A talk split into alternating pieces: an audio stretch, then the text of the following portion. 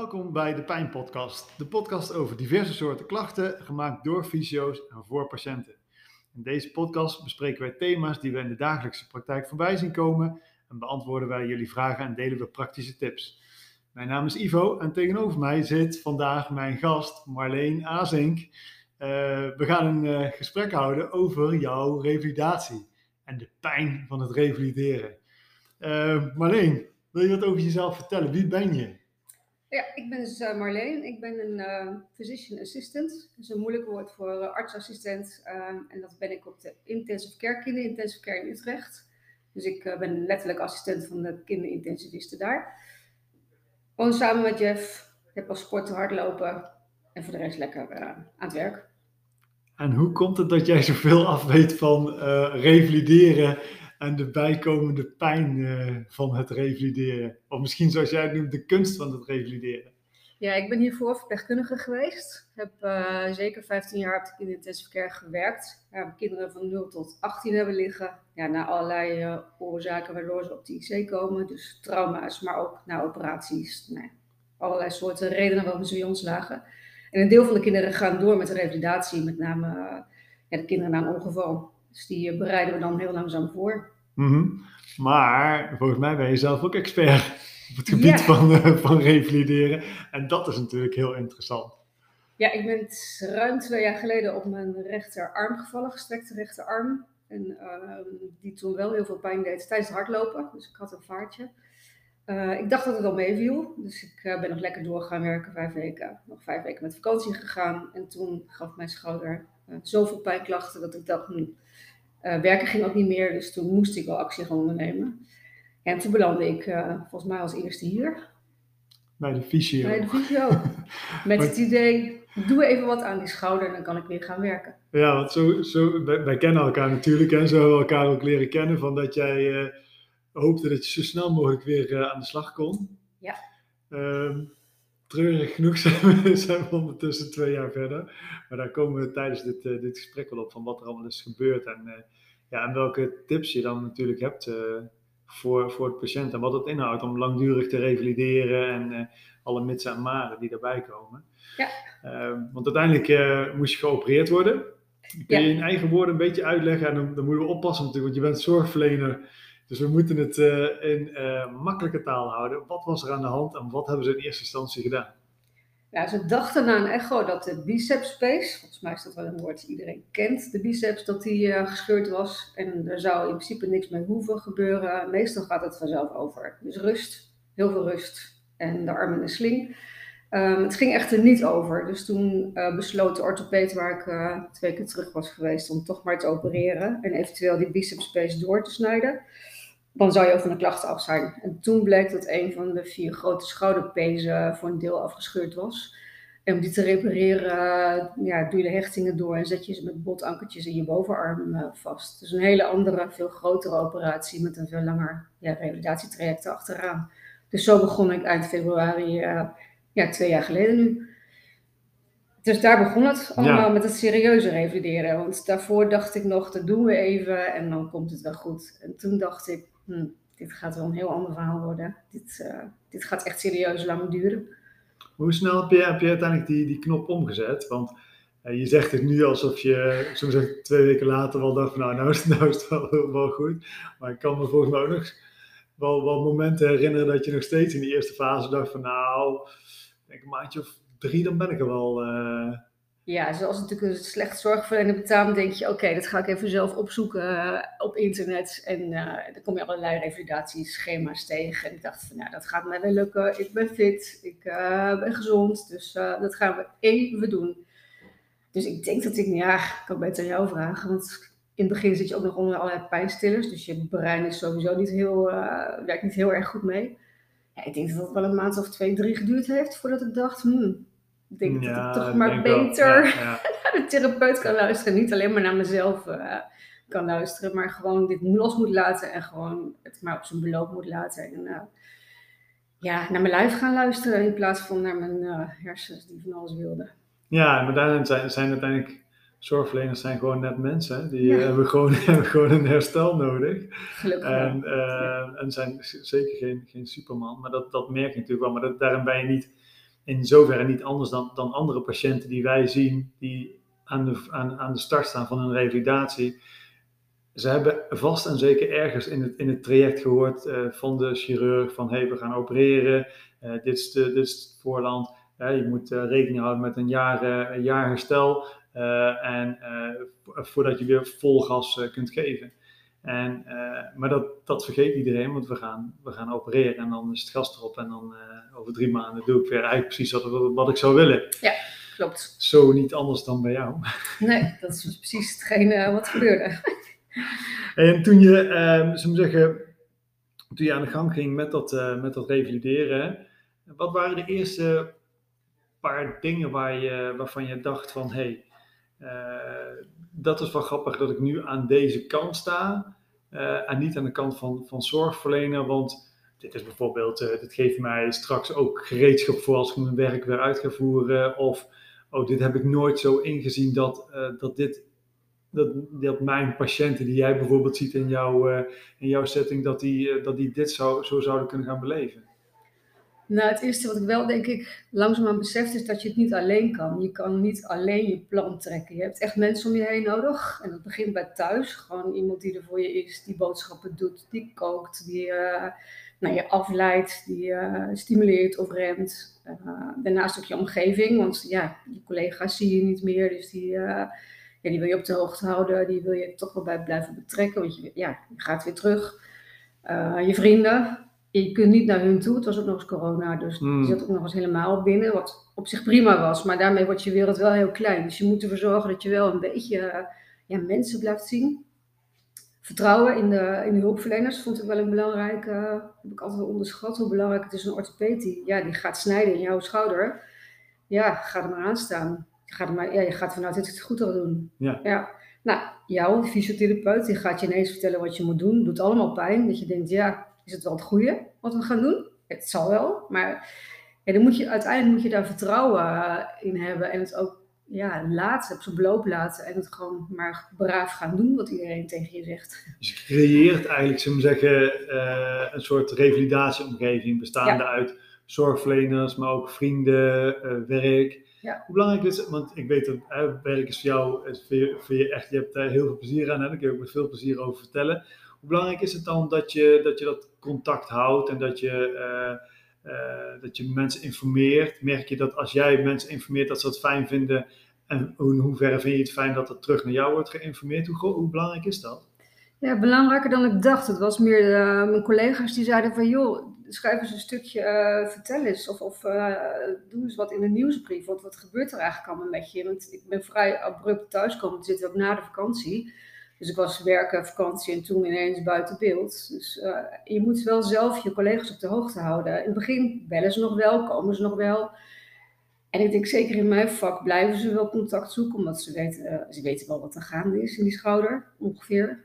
Maar je moet zelf wel actief stukjes of blijven bezoeken of stukjes schrijven, contact zoeken om ook contact te behouden. Mm -hmm. Des te langer het duurt, des te belangrijker dat wordt. Dan weet ik dat ondertussen, want je hebt, uh, je hebt, je hebt sowieso een mooi stuk geschreven wat wij, uh, wat wij ook gaan, gaan gebruiken voor onze voor eigenlijk informatieverstrekking naar onze patiënten toe.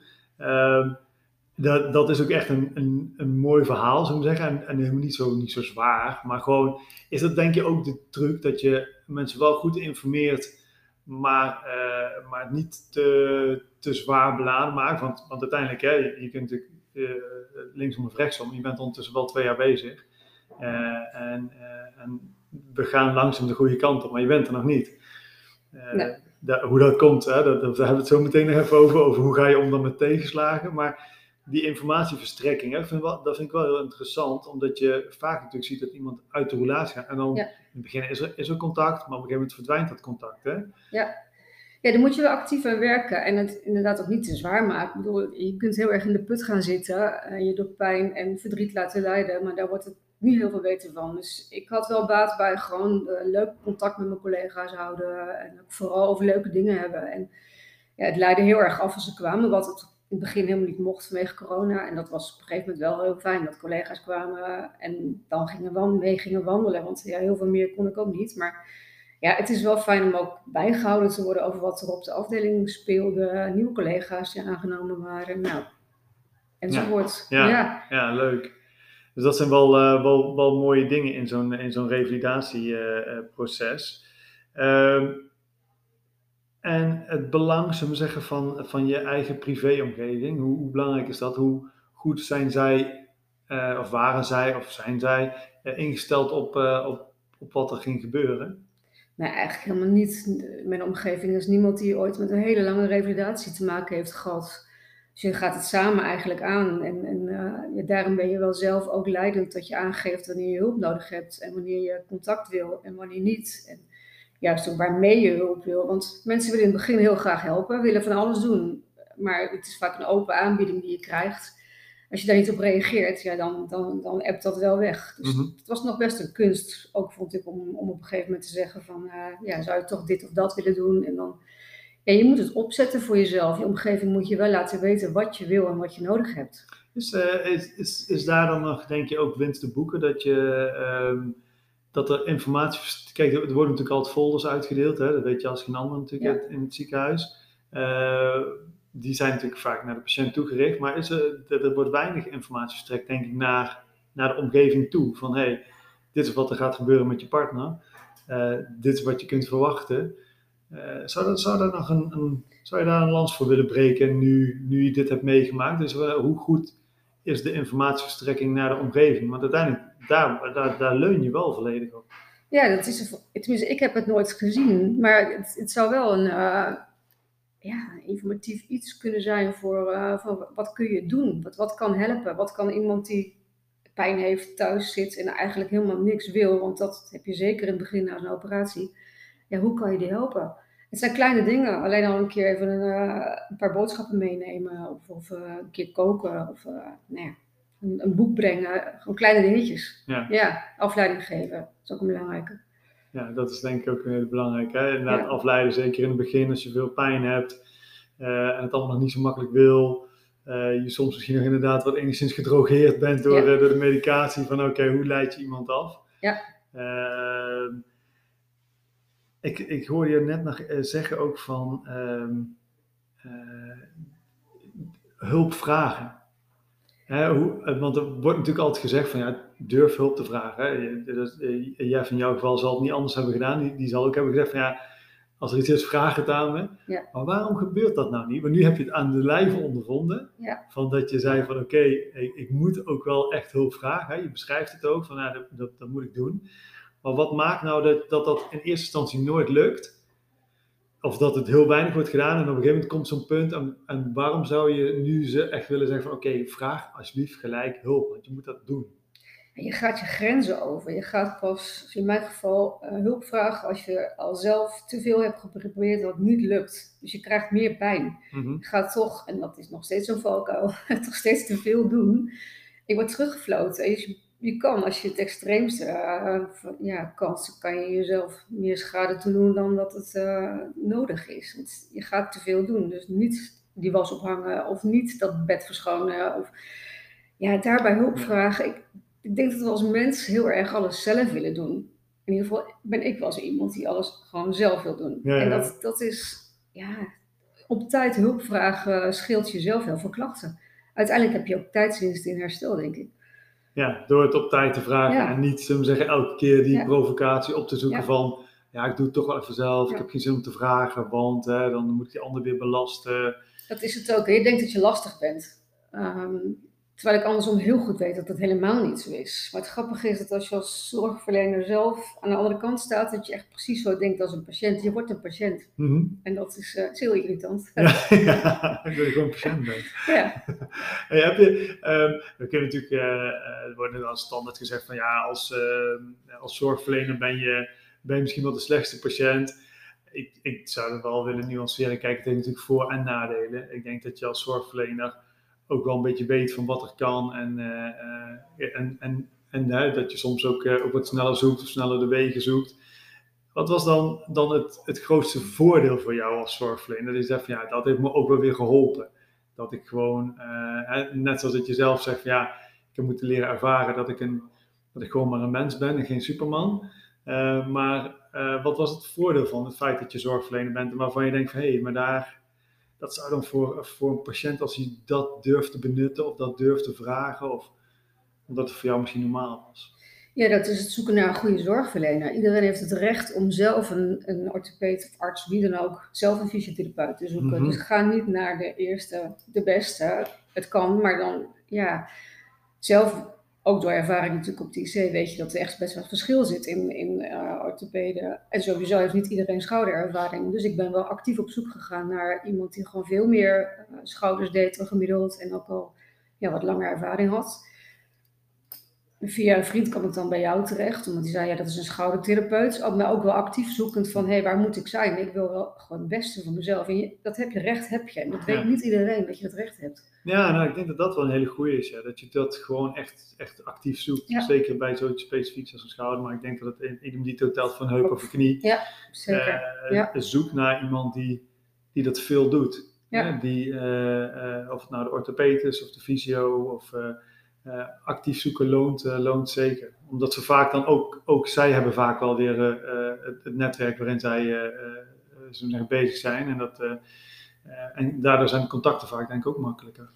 Ja, het is niet dat, iedereen, dat er slechte artsen zijn, zo is het ook weer niet. Maar, en je moet ook een klik hebben, vind ik persoonlijk. En dat hoor ik heel, heel vaak terug van patiënten bij ons op en van ouders op de IC.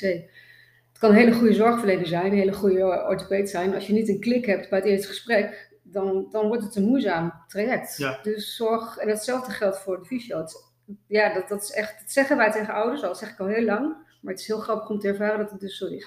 Ja, het werkt Het is een wisselwerking. Ja, nee, Ja. dat is zeker zo. Ja. Nou vind ik dat daar ook wel een, en zeker in ons vak en in onze omgeving, je kunt natuurlijk veel sneller vaak schakelen, omdat praktijken vaak wat, eh, wat groter zijn, meerdere fysio's hebben. Ja. Ook bij fysio's ligt daar, vind ik wel een, een soort van verantwoordelijkheid om te merken van, hé, hey, als dit niet klikt, als ik geen, op geen makkelijk contact, waarom durf ik niet even iemand door te schuiven naar een collega die misschien dezelfde kwaliteit heeft, maar misschien wat makkelijker bij deze patiënt matcht. Ja. Ik denk dat daar Ja. ook voor ons wel een, een taak ligt in de eerste lijn om, om daar makkelijker in te schuiven. Maar je mag het dus ook zeggen. En Ja, ook je arts absoluut. mag het ook tegen je orthopeed zeggen. Als je geen vertrouwen hebt na de eerste keer, ook al is die de beste de papieren. Ja, het- ik heb ook na de eerste eh, operatie voor de tweede wel gedacht, is dit nog steeds de goede orthopeed? Weet je, klopt dit wel, wat Ja. hij allemaal beweert? Ja, blijf wel, en dat is ook een tip, blijf wel gewoon ja, meedenken. En het is jouw lijf, dus... dus Jij bent jij ervaringsdeskundige, hè? Jij dat zeggen we vaak. Ja. Ja. en dat is wel echt zo. En het is, ja, het is wel grappig om te merken dat je, daar heb je soms iemand voor nodig. Dus ga nooit alleen naar een specialist. Neem altijd iemand mee, want als Mhm. patiënt ben je acuut niet mondig meer. een hele leuke ervaring. Ja, dus, dus eh, ja, Ja, aan. ja, ja. Oh, ziet het zo. Ja, het is heel grappig. Het is echt, eh, dus ja, ga nooit alleen. Zoek iemand die je vertrouwt. En eh, ja, met een goede wisselwerking ga je, ook, ehm, ga je ook beter je best doen. Als je iemand niet mag of als het niet klikt, dan denk je, ja, het zal wel. Maar dan trek je je eigen plan, denk Ja. ik meer. Dus Ja, het nee, heeft echt positief, Ja. eh, en daarmee ook denk ik echt eh, sneller herstel. Dat denk ik wel. Ehm, en dan zeg je net hè, van, eh, met, met tegenslag, hè, of, of als, je de, als je vertrouwen hebt in, in de orthopedie of in de fysio, ehm, ja, da- dan, dan kun je denk ik ook makkelijker je tegenslag bespreken. Hè. We hebben natuurlijk op een gegeven moment ook gemerkt Ja. van, hey, het, het gaat niet zoals we willen. Waar komt dat nou door? Eh, met z'n tweeën besproken, uiteindelijk ook met de orthopeed besproken. Nou blijkt er toch nog een, een, een belemmering te zijn. Had je, had je dan ook het gevoel dat je, eh, en dat je dat met jouw eh, netwerk van zorgverleners om jou heen, die jou, jou moesten gaan helpen met de revalidatie, dat je dat goed kon, kon bespreken, omdat je dus een makkelijk contact had? Eh, en kon je, eh, kon je op die manier ook makkelijker kritisch zijn, zullen we zeggen. Want dat is natuurlijk ook. Hè? Je mag gewoon ook wel kritisch zijn van, hé, hey, Ja, ik denk dat het scheelt dat je gewend bent. Ik, ik werk met artsen, het zijn mijn collega's, dus ik ben niet bang om ze aan te spreken. Eh, en ik, dat, dat hoeft eigenlijk niemand te zijn. En dat moet je dus vooral ook niet doen. nee, Ik denk dat dat echt ook de boodschap is. Blijf kritisch en, en het zijn ook mensen. ja, ja, ja, nee, dat en is ze zeker zo. ook, ja, ze willen ook het beste voor de, voor de patiënt en dat is ook in hun belang. Dus eh, blijf, zeg niet ja en amen, maar ga echt vooral eh, ja, blijf kritisch en blijf de vragen stellen. En spreek inderdaad ook je twijfel uit. En eh, ja, daar wordt iedereen alleen maar beter van. Ook die arts of die, zo- die andere zorgverleners. Ja, Ja. Nee, absoluut. Hey, en dan, dan, heb je, dan heb je tegenslag, hè? Eh, je hebt eh, in je stukje heb je ook een mooie, eh, eh, een, een mooi, een mooi grafiekje, zeggen, in, in, in plaatjesvorm, zeggen, over uh, hoe, hoe revalideren eruit ziet. Hè? Het is niet één stijgende lijn, maar één grote weerwaar krullend door elkaar heen, die uiteindelijk leidt tot een, uh, tot een eindpunt. Um, ook, ook die zullen we trouwens nog wel, uh, wel erbij posten. Uh, maar hoe ga je om met tegenslag? Ja, dat is echt nog best wel een kunst. En dat is pas achteraf. Nu, als je eenmaal weer wat meer pijnvrij bent, ga je denken: hoe heb ik dat eigenlijk allemaal gedaan? Ja, ik heb wel de neiging gehad om het maar gewoon weg te duwen. Ik dacht van ja, ja, maar ik ga gewoon lekker door. En ik negeer even deze, deze tegenslag. Ja, uiteindelijk werkt dat ook niet. Je krijgt hem drie keer terug.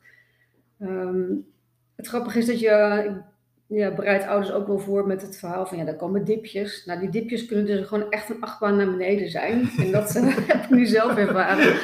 Dat je denkt, oh, oké, zo voelt het dus ook echt. En dat je dat ook moet uitspreken. En dat je daar dus ook verdrietig over mag zijn. En ook echt van mag balen. En ik had wel de neiging om te denken, ook omdat ik op IC werk, het is altijd erger. Ja, mm-hmm. dat is er ook. En dat vind ik ook nog steeds. Er zijn heel veel ergere dingen. Maar ja, je zit ondertussen wel zelf al uh, toen in ieder geval een jaar thuis, wel weer aan het werk deels, maar niet, niet zoals het zou moeten zijn. Dus ja, je, je, dat wordt gewoon echt een bouw. Het zijn bouwdagen, weken, ups en downs. Ja. En die volgen elkaar op. En die, uh, die blijven elkaar opvolgen, ook nu nog, ook al gaat het nu beter. Ja, en ook bespreekbaar maken toen het echt slechter ging. In het begin dacht ik nog, nou ja, het zal wel even een diepje zijn. Ik zal wel te veel gedaan hebben. En dan, ja, ik had de neiging om het wel voor mezelf te houden. Ja, dus niet hmm. doen, uitspreken. Nee, Goeie leer. Ja, nee, dat was inderdaad een goede. Ja. Dat je het echt gaat uitspreken van uh, hoe, hoe belemmerend iets kan zijn. Hè? En niet, uh, uh, soms, soms zie je ook wel inderdaad van patiënten dat ze toch het liefst willen laten zien dat ze aan het presteren zijn en dingen bereiken. Maar als dan uiteindelijk uh, als, als blijkt dat iemand al een periode toch structureel slecht, slechte merken, veel pijn heeft thuis en veel of, of, slechter slaapt of zo, maak het bespreekbaar. Dit is, dit, niks, is, niks is in principe normaal ook in revalideren. Dus als jij het gevoel hebt van, joh, is, dat, is dit normaal dat ik slecht slaap? Vraag het. Ja, dat is zeker met de schouder zo. Ja. achter. Ja. Daar slapen mensen nog wel slecht. Ja, dat is echt. Uh, ja, dat is echt. Uh, je kunt, uh, dat is ook een goede om te weten. Zeker als je dan een grotere schouderoperatie. Ga er maar aan. Ja, ga er maar vanuit dat je gewoon echt minimaal een jaar niet op die zij kan liggen. Hmm. Dat is echt nooit gerealiseerd. Nee. Ja, en dipjes, dat vond ik wel het lastige. Wat is een dipje waar je weer uitkomt en wat komt en wat is die achtbaan naar beneden? Wanneer is die achtbaan begonnen? Achteraf denk ik, had ik al langer het gevoel, het zit niet goed. Ja. Maar ik had ook mijn werk opgebouwd in uren. Uh, ik was weer wat andere dingen erbij gaan doen. Dus ja, het blijft wel lastig, vind ik nog steeds, om daarin te onderscheiden, gaat het nu slechter of is het, hoort dit bij het revalideren? Want ja, bij de opbouw. Is, en, ja, is opbouwen en daarmee soms wat terugslag of juist ook weer wat meer pijn. Ja, ja dat blijft moeilijk, maar blijft uitspreken. Ja, ik denk dat dat, uh, dat, dat super belangrijk is. Um, Marleen, uh, we, we, zijn al heel eind op weg. Um, dus ik zou heel graag van je willen vragen: van, oké, heb je nog een paar ultieme tips voor onze luisteraars die, die zij mee kunnen nemen als ze nu bijvoorbeeld bijna aan, een, aan een revalidatietraject gaan beginnen, of die er misschien net in zitten en, en denken: van, oh, waar, ben ik, waar ben ik in beland? Heb, je wat, heb je nog één of twee ultieme tips?